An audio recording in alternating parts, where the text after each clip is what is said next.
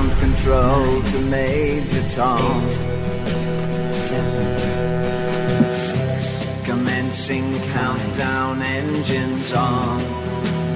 Three, two, check ignition, and may God's Quin gran tema Space Oddity del David Bowie i aquella missió a l'espai.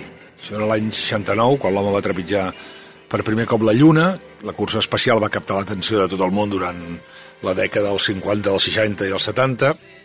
El podcast d'avui també va d'una cursa, en aquest cas cap al 5G, la tecnològica en el que tots hi participem. Fa temps que vam passar del 3G, va venir el 4G, estem a punt d'arribar al 5G, anem avançant i la veritat és que només sabem, perquè és el que diuen, que el 5G ens canviarà la vida i serà una autèntica revolució. Volem parlar-ne, entendre de què va aquesta cursa i què hi guanyarem quan arribem a aquesta esperada meta. RAC1 i EAE Business School us ofereixen El raconet de la tecnologia amb Jordi Basté i Josep Maria Ganyet. Comencem pel principi, Ganyet. Què és el 5G? 5G és la cinquena generació de comunicacions mòbils. Eh?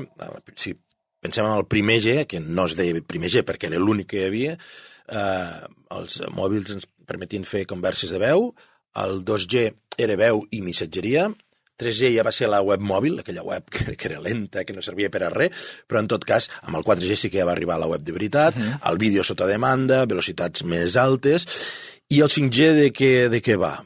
Ja, ja en veurem les característiques, però jo diria que el 5G eh, és eh, la, les comunicacions d'experiències i de la internet de les coses. Val. Ens permetrà a nosaltres tindre experiències, més enllà de les que tenim físicament al voltant nostre, i a les coses a connectar-se entre si per ser més eficients. I és una revolució? Serà una revolució o no?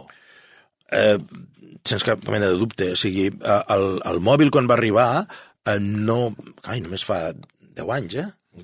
Que, es va extendre els, els, els telèfons intel·ligents eh, i amb 4G, eh, eh, mai hauríem pensat que ens canviarien tantes maneres de fer coses, que obririen tantes noves oportunitats i que ens ajudarien tant en, en temps de pandèmia, per exemple. Eh? Han, sigut, eh, han sigut fonamentals. Però eh, fixa't, quan estem parlant de 5G, no, no només parlem de més velocitat. Eh? Escolta, sí, és més ràpid, fins a 10 vegades més que la fibra òptica. Fantàstic, eh? això vol dir que et podràs baixar pel·lícules en un segon, amb alta definició, sí, però, però més enllà d'això, el que és important és que és més immediat. No té latència, no, no té aquest, uh, aquest temps de retard que tant patim a la ràdio, però que també patim a internet ara aquests dies a casa quan fem eh, una, una videoconferència. No té aquest temps de retard. I és molt més eficient. És dir, amb el mate els mateixos diners o amb la mateixa energia cobrim molt més territori i, per tant, eh, pel planeta és molt, molt millor. Val. De quina manera notarem l'arribada del 5G a les nostres vides de manera del dia a dia? Jo diria que amb el mòbil potser no ho notarem massa, perquè les velocitats del 4G ja són tan altes que pel que necessitem Ja és suficient. ja, ja és suficient. Perfecte. On ho notarem més serà a la feina i en entorns industrials. Això que dèiem, eh, poder parlar i fer videoconferències. O sigui, en lloc de connectar-nos, de dir, escolta, va, corre, que a tal hora pots? Sí, a veure, em connecto. I després tens un requadret petitet allà, Sí. pixelat, que es Això mou. no. Que es... No, no, no. O sigui, una, una pantalla com aquesta finestra, com, la foto, com aquesta peixera, Sí, és una finestra d'una un, un, un vi de 4 una paret, metres una, per dos. Sí, la una paret, de casa, la paret sí. de casa, amb 24 hores connectat amb els teus pares, amb els, amb els de la teva feina, les 8 hores de feina o les 4 hores de feina, el, el que vulguis. O sigui, tota l'estona connectat amb una connexió de, de molt alta definició, que pot arribar fins i tot a, una, a un entorn virtual, immersiu, i en lloc de tindre un ordinador davant, una màquina davant, tindràs persones, tindràs la sensació d'estar amb persones, que poden estar a l'altra punta del món. Jo crec que... No te'n recordes el del doctor Lazi, que és aquest metge de l'Hospital Clínic que va fer una operació, Sí. que ell estava al clínic... No, eh, ell- no, ell ell estava a la fira, fira. a la fira, sí, era el Mobile World Congress, Sí. i l'operació es feia al clínic, és Sí. a dir, ell endreçava el que s'estava operant des del mobile, Ja. des de la fira, i a l'Hospital Clínic de Barcelona, aquí al carrer Villarroel, s'estava fent aquesta operació a Barcelona. Carai. Eh, és això, tenia una imatge molt alta definició, no tenia retard, per tant, el que ell feia era al mateix moment es produïa a l'Hospital Químic, el robot que, que, que operava, l'equip que operava, i per tant això permet un tema de- de- de- de- d'aplicacions que no, no ens imaginem. Mira, per exemple, conducció autònoma. Tu pots conduir un cotxe des d'aquí Sí. a l'altra punta de món. Per, per què? Perquè, perquè e- és com si fossis. Xarxes d'electricitat intel·ligents. Si ara eh, això que puja i baixa el preu de l'electricitat, escolta, si som capaços de balancejar oferta i demanda amb, amb l'oferta i demanda de manera intel·ligent, perquè tenim el consum al moment exacte, podem trobar millors preus d'energia. Uh, monitorització d'entorns naturals. Uh, aquí uh, uh, està massa sec, hi haurà un foc. Per què? Perquè podem tindre dades, de, sen- podem posar molts sensors a molts llocs que ara, que ara no podem perquè no tenim connectivitat. Realitat virtual, realitat augmentada, cadenes de producció que s'ajusten a la demanda instantània del moment, de qualsevol tipus. Jo crec que ens anirà molt, molt bé. Jo crec que es- serà un gran salt fins i tot per eh, tema de protegir el planeta. El raconet de la tecnologia. Doncs espero que hi pugui haver connectivitat als estadis de futbol, per exemple. Això mateix, exacte. I a les manifestacions. Clar, sí. aquell problema que... Mm -hmm. El que garanteix que sigui molt més eficient és que pots posar molta més cobertura per antena i amb les mateixes cobertures que, per exemple, ara té Telefònica o Vodafone, cobriran moltes més connexions i, per tant, a les manifestacions o als camps de futbol podràs veure el gol repetit amb alta definició al moment. Mm -hmm. I, aviam, això és com tot, eh? Sí. Bueno, això està molt bé que aquí en parleu, aquests que en sabeu de tecnologia, en parleu del futur. Bueno, però això quan? És a dir, quan entra el 5G realment a les nostres vides d'una manera sí. que ho notem? És allò que deia aquell, que el futur hi ha arribat però està mal repartit. Ja tenim 5G a les grans Sí. ciutats, eh? No sempre 5G, sinó que és un 5G que surt 5G al mòbil, però, Però va a velocitats 4G. 4G. És, un, Ah, és, un, és un 4G una mica maquillat, eh?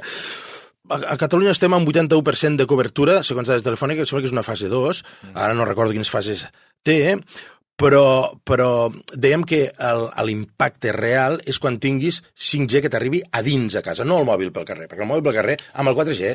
Ja, és més que suficient. Per, per, per, I per tant. aplicacions mòbils, I tant, i segur. Tant. Quan el 5G entri a casa, A, casa i a les empreses, que, que, és, que les grans aplicacions. Eh? Eh, És això, eh? És això. va estem parlant de... Estem parlant d'una cosa que això pot ser que sigui d'aquí dos o tres anys, perquè estarem parlant d'una cobertura total que... 2025. 2000 No, no, no, no és tant, eh? O sigui, amb, 2025. amb 5 anys jo crec que començarem a notar coses. Que m'hauré de canviar el mòbil. Sí, tant, home. D'això viuen. No, uh, a veure, mira, tard o d'hora sí, eh? però el que dèiem, si us heu de canviar el mòbil, ara us n'heu de comprar un, mireu si ja té 5G. Va, escolta, canviar per canviar. Si en teniu un de 4G que us l'heu comprat ara i, i és últim model o penúltim model, ni us ho penseu, no cal canviar. Estireu-lo tant com pugueu. Eh?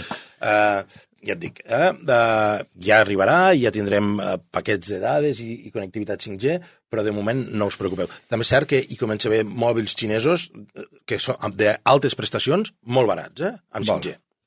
El 5G serà més car. El 5G, jo m'imagino que per explicacions industrials sí que serà més car, però no és el negoci de les telefòniques el vendre paquets de gigas, eh, mm. perquè amb el 5G, esclar, ens els acabaríem rapidíssim. Mm. El que volen vendre és serveis addicionals sobre això. És a dir, escolta, tu, Ui. tu compres 5 gigas i llavors, escolta, el canal que ara tens en 4K el tindràs en 8K, Bueno. o tindràs un canal immersiu Ja. que et projectarem uh, un, a tota l'habitació. Clar. Però ja estic, ja tremolo, Sí, sí, Daniel, sí. perquè hi ha una cosa que no suporto, és això del, de contractar el servei d'internet o de telefonia, aquestes trucades eternes amb moltíssima informació, ara le passo, llavors els preus que fa, Sí, sí, sí. que al final gairebé no sàpigues ni què és contractat ni a quin preu, perquè és veritat, vas contractant coses i tu ja vas, vas pagant i no saps exactament Ah, no, què no, pagues, sí, perquè no. més tampoc ha, quan t'ho t'ho passen pel banc, tampoc t'especifiquen exactament què coi estàs pagant. Clar, aquí és més car i paguem més per tenir internet, Sí, per exemple? sí, sí, sí. Espanya és el sisè país amb l'internet més car d'Europa, el Bueno. 21 al món, eh? Uh, els espanyols paguen d'una eh, una mitjana de 41 euros pel seu contracte d'internet per navegar a casa amb una eh, fixe. Eh? Això és un 27,4% més que la mitjana europea. Eh? Sí, parlem un 27 i mig més que la mitjana d'Europa, Sí. que és una bestiesa. Sí, clar, però... Qui ens supera? Flacs que, que, que ens superen són Bèlgica, Noruega, Irlanda, Suïssa, Islàndia... Ja, ja, ja. ja. Clar, un, un poder adquisitiu, diríem, bastant més alt que el que tenim aquí. Que- clar. Però en aquesta cursa tecnològica, que és evidentment que és una cursa de 100 metres, això no és una marató, això és una cursa de 100 metres, o sigui, vas a tota castanya. Clar, quan el 3G, que fa quatre cantonades, ja està implementat, resulta que ja ens parlen del 4G. Quan el, el 4G l'estem començant a, a mastegar i a digerir, resulta que ja ens posen a la boca el 5G.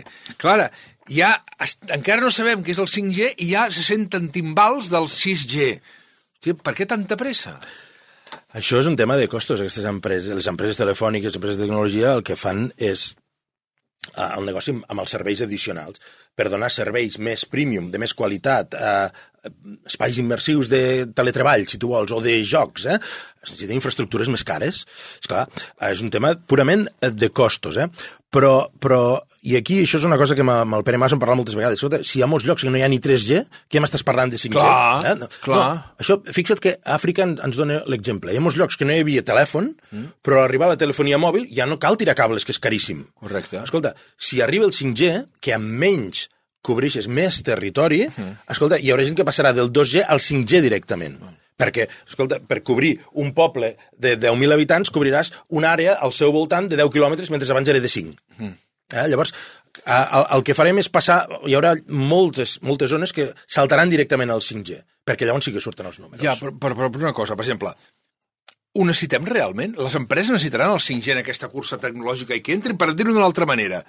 Perquè si una cosa veig és que, com no tenim opció, jo m'agradaria el que es podia dir, escolta, jo pago menys, uh -huh. jo pago menys, uh -huh. I no... em quedo amb el 4G, sí. que a mi em va bé, -huh. i ja us ho fareu vosaltres amb el 5G. Això no puc. Jo diria que no pots perquè és que et donaran el 5G però del 4G. Ah. Eh? Per què? Perquè llavors tu ja tens 5G, i llavors ja, ja tens possibilitat d'accedir a aquests serveis premium, i si tu ets una empresa que, escolta, puc monitoritzar les meves finques de nous a l'altra punta de, de món mm. i em dona dades exactes al moment de si necessiten aigua o no, i amb això estalvio aigua. Escolta, no et sabrà greu pagar, si tu ets una empresa. Ja, ja t'entenc, t'entenc. Ja si tu ets una ràdio com rac que pots arribar a més part del territori amb les mateixes antenes sense desplegar eh, eh, infraestructura, clar. llavors, escolta, pago, tira, clar, i tant, clar, i tant. Clar. Escolta, diem que anem a un món cada vegada més connectat, on tindrem la lavadora, el rentavaixelles connectats a internet, els cotxes ja sabem que vindran cotxes autònoms, i la cosa això va més, és evident. Ara, en aquests moments, quants mòbils i dispositius connectats deu haver-hi al món? Quants, quants dispositius tens connectats a internet a casa teva? Enllaçat, per exemple... Sí, el wifi, el wifi, el, ui, ui, tot, la tauleta, clar, clar, el mòbil, l'ordinador, sí, alguna Alexa o alguna... Correcte, una, sí, sí. Ah, o sigui, jo vaig contar l'altre dia i a mi me'n surten a, a casa meva 10, 12 o 13. O sigui, no havia pensat mai, eh, tampoc. Ordinador... Ordinadors, uh, clar, l'ordinador de, de, de, la meva dona, del meu fill, el meu, l'altre, el no sé què, la, la tele. La tele, la tele convencional, la, la PlayStation. La, la PlayStation, la, la tauleta, l'Alexa, la... Ve sumant, ve sumant, els mòbils de la canalla. Déu, clar, eh? per tant, vol dir que haver-hi mil, milers de milions, sí, no? Sí, eh, es calcula que actualment hi ha uns, uns eh, 15, de 15 a 20.000 milions d'objectes connectats a internet. Eh? Oh, pues imagina't això d'aquí uns anys. Separats al 50% entre consum, eh? o sigui, els que tenim per casa i els de les empreses. Mm. Clar, d'aquí uns anys, el 2025, s'estima que això serà 75.000 milions, però jo crec que passarem. Si estem al 5G, no em vull imaginar, ara que parlàvem del 6G, què serà el 6G? O sigui, ja no m'ho vull imaginar que, que, quines prestacions tindrà tenir el 6G. És a dir, ja això serà incomprensible a algunes ments que eren molt aperturistes respecte a la tecnologia fa alguns anys. Hi haurà un moment que farem com els nostres avis ens van fer quan va arribar el vídeo de dir, bueno, això ho arreglareu vosaltres i ens ho posareu vosaltres. Sí. Però escolta'm, 2025 deies fa uns mm, moments. Sí, sí. És a dir, que això ens queden ens queda molt poc temps, una cantonada per anar-nos mentalitzant que arribarà el dia que, per exemple, la nevera ens pot enviar un missatge quan ens calgui comprar ous, que ens reunirem amb els hologrames dels nostres companys de feina i que el cotxe anirà tot sol a fer la revisió del taller, perquè això va anirà per aquí. Sí, sí, amb tecnologia sempre passa el mateix. Que te... quan, quan mirem a curt termini, ens pensem que ens canviarà la vida, que ja tindrem robots d'aquí dos anys, ja, ja tot serà, els cotxes volaran i tot això. I normalment no passa. Però tendim a no valorar el que passa a llarg termini. I llavors a llarg termini els canvis són molt més grans. Mira, farem una cosa. Al pròxim podcast, per què no parlem de com veus el món o com creiem que serà el món el 2025 o el 2050? El món que ens espera. D'aquí una cantonada, eh? No gaire lluny, tampoc, eh? Sí, sí, i tant. Vindràs físicament o m'enviaràs el teu holograma? Si tinc 5G em connecto. Val. RAC1 i EAE Business School us han ofert el raconet de la tecnologia, amb Jordi Basté i Josep Maria Ganyet. L'experiència és un grau i la teva un valor. Passa de nivell amb l'Executive MBA DAE Business School. Treballa les teves competències directives i de lideratge i genera sinergies amb altres professionals. Els MBA DAE, dels més ben considerats segons els rànquings de Bloomberg i QS. Informa't a eae.es. What's next for you? EAE. We make it happen.